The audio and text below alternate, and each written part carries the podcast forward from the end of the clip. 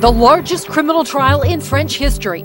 20 defendants, 330 lawyers, and hundreds of witnesses. A guy pushed open the door with one hand and had a gun in the other hand and started shooting people. Han har pekats ut som hjärnan bakom attackerna men är egentligen en festande, haschrökande kriminell med en terrormisstänkt svensk vid sin sida. Sex år efter terrorattackerna i Paris är rättegången nu igång. The trial has begun in Paris of 20 people suspected of aiding and abetting the terror attacks that shook the city. På en kvart får du veta vilken roll terrorsvensken Osama Kriem hade och hur hans vittnesmål kan ge de avgörande pusselbitarna. Det är måndag den 13 september. Jag heter Alexandra Karlsson och det här är dagens story från Svenska Dagbladet.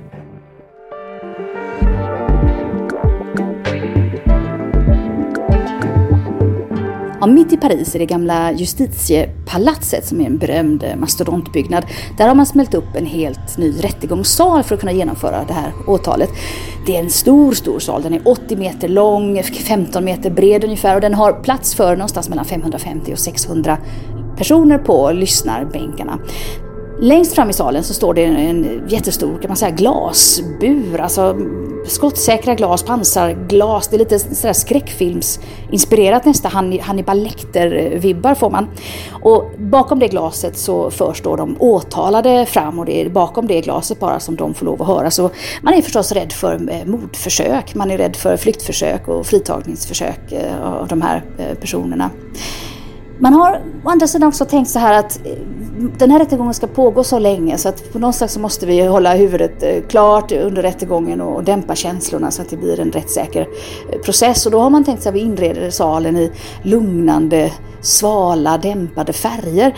Frågan är om det hjälper då mot det faktum att det också står tungt, tungt, tungt beväpnad eh, militär och, och, och, vakter runt om och utanför hela salen. Och det, det ligger också krypskyttar på, på taken på byggnaderna runt omkring. Så frågan är om de där mjuka träslagen eh, kommer att liksom kunna dämpa de värsta blodsvallningarna och skräcken under den här rättegången. Teresa Kirchler, du är ju vår EU-korrespondent baserad i Bryssel. De här attackerna där 130 personer då dödades, den skedde ju 13 november 2015. Nu är rättegången igång. Varför har det tagit så lång tid för rättegången att börja? Därför att omfattningen är eh, alltså sällan skådad. Utredningsmaterialet är på en bit över en miljon sidor som har släppts i 500 volymer tror jag med tjocka buntar text. Det är 20 åtalade, det är 14 av dem som kommer att eh, föras till domstolen i Paris därför att fem av dem tror man är antingen döda eller kanske fortfarande finns kvar i, i Syrien hos eh, terrorgruppen IS i Syrien eller Irak. Och en sitter i fängelse i Turkiet och kommer inte att utlämnas. Men utredningsmaterialet är så omfattande för att det här innefattar flera länder. Många av de åtalande åkte fram och tillbaka mellan Frankrike och Belgien. Flera av dem var belgiska medborgare. Flera av dem har dubbla medborgarskap och ska också då spåras vad de har gjort i till exempel Marocko har en del befunnit sig i. Eh, Syrien, Irak, IS. Alltså det är ett enormt insamlingsarbete för att pussla ihop då vem som var vem, vem var bara simpel kanonföda, men vem var hjärna, vem var ideolog och framför allt den viktigaste frågan är ju, finns det någonting kvar av den här terrorcellen som, som man har anledning att vara rädd för. Så att för att man skulle få dit de här 14 personerna och vara stensäkra på att det skulle hålla för att få åtala dem, så har man ägnat de här fem åren åt att verkligen sopa allt man kan eh, för att få till den här rättegången och få svar på alla frågor. Trial itself is expected to last nine long months with a verdict sometime at the end of May. I'm going to do whatever I can to make sure that all of those other people that are no longer with us are heard through me. Vad vet vi om den här terrorcellen som genomförde de här attackerna? Ja, vad man vet är att många av de här eh, unga männen som ingår eh, troligtvis har träffats eh, i antingen när de har varit medlemmar av terrororganisationen IS i Syrien eller Irak. vi vet att de flesta av dem har antingen fransk eller belgisk koppling. Det är alltså belgiska unga män med kanske marockanskt ursprung eller franska unga män med, med syriskt ursprung och så vidare. Så att det, det finns en koppling. Det är en ganska, ska man säga, det är ganska fransktalande cell med, med, med några då undantag som till exempel, vi ska prata om senare, en, en svensk kille som är med. Vi vet att de har då smidit de här planerna för attentaten i Frankrike mellan Belgien och Frankrike. De har åkt skytteltrafik över gränsen och det har man, det har man sett i, i tidigare eh, terrorattentat och sådär. Att just när det gäller terrorism i Frankrike så är det inte sällan som terroristerna har liksom lagt sig på andra sidan gränsen i Belgien för att kunna flyga lite under radarn på, på kanske fransk säkerhetstjänst och avlyssningar och jurisdiktion och sådär. Däremot så vet man ju liksom inte riktigt vem som har varit hjärnan och IS tog på sig de här dåden ganska fort. Men eh, vi vet ju också att IS nästan slentrianmässigt tog på sig precis allt som hände. Och det blir ju nu åklagarnas uppgift att, eh, att försöka få fram bevis för att, eh, att det här antingen var IS eller liksom att det här kan ha varit celler som just har med Frankrike och Belgien att göra. Här är Ekot med en förlängd nyhetssändning med anledning av nattens terrordåd i Paris. Fredagen den 13 november 2015 skedde tre koordinerade terrorattacker i Frankrikes huvudstad Paris. Första attacken skedde vid fotbollsstadion Stade de France. Nästa attack utfördes mot tre restauranger. Och terroristernas sista stopp konsertlokalen Bataclan där bandet Eagles of Death Metal den kvällen spelade för en stor och entusiastisk publik.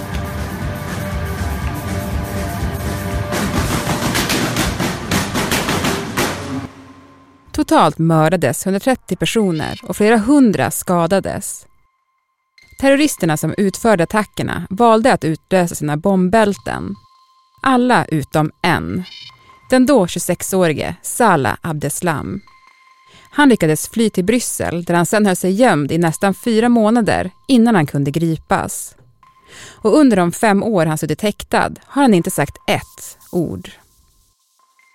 Abdeslam är fransman men han är född och uppvuxen i Belgien faktiskt. Så han är en av de här som eh, bodde i stadsdelen Molenbeek här i, i Bryssel.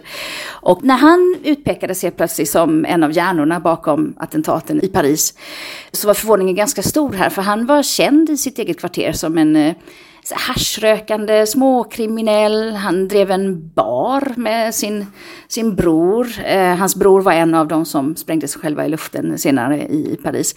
Han finns på väldigt mycket bilder där han liksom går på nattklubb och dansar väldigt tätt, tätt, tätt med olika tjejer och han dricker alkohol och, och så. Det är överhuvudtaget inte ett sånt där fromt eh, liksom muslimskt levande om man, om man nu ville övertyga om att han var en sån övertygad eh, muslim. Han beskrivs också som en person som inte är särskilt eh, intelligent faktiskt. Hans egen advokat sa att han hade intelligensnivå som ett askfat. En ganska grov sak att säga. Men det viktigaste är att när när han då beskrivs som en av hjärnorna bakom attackerna så men man att liksom ta ett litet steg tillbaka. Så här, är verkligen den här killen den här stora ideologen som lyckades få med sig alla och, och, och planera någonting så, så, stort. Han kan också bara ha varit en person som körde bilen när de behövde forsla människor och vad vet jag, bombmaterial till olika platser. Men vi vet inte och han är den enda som är kvar så att det, det är honom man väntar på. Det finns ju också en svensk med i den här terrorcellen. Han heter Osama Krayem. Vad vet du om honom? Vi vet att han är en av de första svenskar som åkte och eh, anslöt sig till IS i Syrien. Han, han åkte dit redan 2014 från Malmö. Han är född och uppvuxen i, i Malmö. Eh, han har funnits med på bilder där han har stått intill någon sån där fruktansvärd IS-situation där man har bränt människor till döds i burar.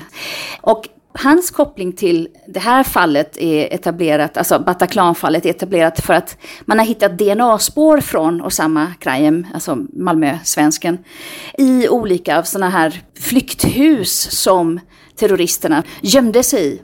Och man vet också att Salah Abdeslam vid ett tillfälle hämtade Malmö-svensken i Tyskland så att han har varit med på något sätt. Vi vet också att han var en av de som skulle ha sprängt sig i luften här i Bryssel i mars 2016, alltså fyra månader efter attentaten i Paris. Men att han ångrade sig. Han hade med sig en, eh, en ryggsäck och skulle ha då sprängt sig själv i luften på tunnelbanan i, i, i Bryssel. Det var ju en av hans kumpaner som, som gjorde det. Men han vände om i sista stund och vi, vi alla här i Belgien har ju sett eh, såna här övervakningskameror från tunnelbanesystemet där man faktiskt ser honom eh, gå in med sin ryggsäck och sen vid något tillfälle vända om och, och försvinna. All of a sudden, he just disappeared. No one in the family knew this. Then he called from abroad and said, I'm with them, meaning Islamic State. I will not return. Vad vet man om eh, hur aktiv han har varit då? Ja, han är en av få faktiskt som under de här fem åren som han då också har suttit häktad. Eh, han har faktiskt eh, pratat en del i polisförhör och så vidare. Till skillnad då från Salam Abdeslam som, som håller knäpptyst. Han har ju berättat lite om gruppen han tillhörde och, och vad de gjorde. Det kom fram i, i våras faktiskt ganska spektakulära uppgifter om att eh, två av de eh, bröder som sprängde sig i luften här i, i Bryssel och då som, som han skulle ha gått med i döden, de ska ha mördat en, eh, en helt oskyldig civil, en liten pensionär på, på gatan som ett eh, test. Och då har eh, Malmösvensken har då liksom sagt att eh, nej men de ville testa hur det kändes att döda helt enkelt. Det var som en övning inför framtida massmord eller terrorattentat. Så att han är mycket, han, hans tunga slinter mer om man, om man säger så än vad, vad de andra gör. Så kanske kan han hjälpa till att lägga pusslet om han fortsätter att tala. Men han har ändå haft lite av en betydelse då för utredningen och utredarna kring den här terrorcellen. Det verkar som han inte varit inblandad direkt i Parisdåden och just den här rättegången som börjar är ju just för Parisdåden. Men däremot så kan han kanske hjälpa till och lägga det där pusslet just om vem gör vad och finns det någon kvar? Alltså den största skräcken i Bryssel och Frankrike det är ju att det skulle finnas kvar spillror av denna terrorcell som då har varit så välförgrenad, som har haft tillgång till avancerad teknik och, och, vapen, som har varit organiserade från, från olika länder och som kanske då har någon slags eh, kommandobrygga någonstans i Syrien kanske. Men man är ju livrädd för att det finns människor kvar i Belgien och Frankrike som kan utföra fler attentat. Så att Krayem skulle ju kanske kunna kasta lite ljus då på hur kontakterna har varit och vem som har varit vem. In a heavily armed convoy, the man accused of being the sole survivor of the ISIS attackers who brought carnage to Paris was sped through the streets from France's highest category prison. Rättegången handlar om attackerna i Paris, men terrorcellen misstänks också ligga bakom terrorattackerna i Bryssel som skedde fyra månader senare. Teorin är att gripandet av Paris-terroristen Salah Abdeslam påskyndade sprängningarna mot flygplatsen och tunnelbanan i Bryssel där 35 personer dog. En av dem som befann sig på Bryssels flygplats den morgonen var Teresa Küchler. Jag minns såklart hur rädd jag var och att jag sprang och att allting var så ovisst och sådär. Och det, så kommer det ju vara alltid. Men vad jag faktiskt minns som kopplat till det här fallet är att de allra första klara tankarna jag fick efter jag hade hört explosionen, det var faktiskt shit, det här är hämnden för Abdeslam. Salah Abdeslam greps bara fem sex dagar före attentaten i Bryssel. Och det låg i luften att liksom, nu kommer någonting ske. Det fanns uppgifter från belgisk säkerhetstjänst och det hade meddelats i pressen också att det fanns indikationer på att någonting var på gång. Så när, när, när bomben small in till mig där på flygplatsen så var en av mina första klara tankar att aha, det här är hämnden för Abdeslam. Jag minns också att jag trodde att det skulle bli en sån där situation som i konsertlokalen Bataclan, att nu skulle de komma in med, med automatvapen i händerna och börja skjuta omkring sig. För de, de här terroristattentaten i Paris var ju att de sköt ju vilt och, och urskillningslöst in mot restauranger där helt vanliga oskyldiga människor satt och åt i godan ro och de gick in till en lokal. Och jag tänkte att ja, men det saknas ju bara då att de går in och också skjuter vilt omkring sig i en flygplats. Jag tror att vi var ganska många som var där inne som var väldigt glad över att vi var oskadda efter att bomberna hade, hade gått men som ändå fortfarande var rädda för att det skulle komma mer helt enkelt. Men hur har den händelsen påverkat dig? Hur den har påverkat mig i min vardag är ganska lätt att, förklara. Det är ju bara att se på stadsbilden som har varit. I, I Belgien så har vi jättemycket soldater på gatorna som patrullerar. Man har mycket mer synliga vapen till exempel på, på centralstationer eller tunnelbanestationer. Det, det finns en påminnelse om ett, ett hot. Sådär. I Frankrike har det ju å andra sidan varit så ganska länge. Frankrike hade, hade en del terrorattentat eh, redan på 70, 80-talet och 90-talet. Så där, där har det ju gått omkring soldater med automatvapen på alla tågstationer. Så att gatubilden i Paris är inte så förändrad. Den stora förändringen som Bataclan-attentatet visade på, det var att alla var möjliga måltavlor. Om du kanske minns så var det ett attentat eh, samma år, i början av året, i januari i, i Paris 2015, mot en serietidning, Charlie Hebdo, en karikatyrtidning. Och, och, det var ju liksom den första stora terrorvågen där 2015 i Paris. Men skillnaden mellan Bataclan-attentatet och det attentatet var ju att där fanns det en väldigt, väldigt riktad attack mot utpekade personer som man ansåg då eh, vara fiender till eh, de här grupperna. Det var karikatyrtecknarna. Och det innebär att dagen efter attentaten så gick alla Parisbor man ur huset ut för att liksom gå ut på gatorna och protestera och försvara karikatyrerna och det fria ordet och man la blommor då vid den här tidningen. Efter Bataclan-attentatet så körde jag in i Paris klockan tre, fyra på morgonen och då var det helt tomt. En 10 miljoner stad där inte en enda människa vågade sätta näsan utanför sin egen dörr för att man insåg att nu är det oriktade attentat, nu är det vem som helst, nu skjuter de var som helst och på vem som helst. Och det var en mycket obehaglig känsla att 10 miljoner människor inte vågade gå ut. Till sist Teresa, den här rättegången väntas ju pågå närmare ett år och det är ju fortfarande mycket frågor som vi inte har fått svar på och som förhoppningsvis vi kommer få svar på i den här rättegången. Vilken betydelse kommer den få för fransmännen, skulle du säga? Jag skulle säga att det här är den blodigaste och mest fruktansvärda händelsen i modern tid i fransk historia. Och, och att människor ställs inför rätta, det, det, det måste till för att eh, det fruktansvärda såret som har rivits upp i, i Paris och hela Frankrike ska, ska kunna läka. Och sen så måste såklart ett helt land tänka på hur man hanterar rädsla också. Och, och så, Så vilken betydelse för fransmännen, det handlar ju om att ja, läka sår. Vilken betydelse det får för Frankrike är också något annat. Om det skulle komma fram i den här rättegången att de här terrorcellerna eh, fortfarande skulle kunna vara levande och småputtra i, i, i bakgrunden, då kan det ha som effekt för Frankrike att man helt enkelt inför massor med nya lagar som ger polis och underrättelsetjänst rätt att i stort sett eh, övervaka eller följa vem som helst. Så att det är lite på olika plan, så här, hur påverkar det fransmännen? Ja men det handlar om att, att, att läka ett sår, men det handlar också om vilket samhälle man vill ha i Frankrike. Tack Teresa Kirchler för att du var med i Dagens Story. Tack ska du ha.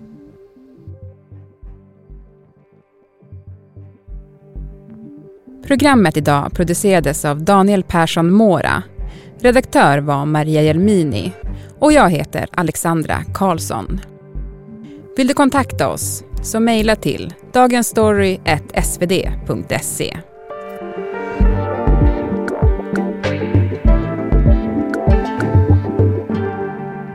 Klippen som hördes i dagens program kom från Today, Reuters, Deutsche Welle, Sky News och BBC News.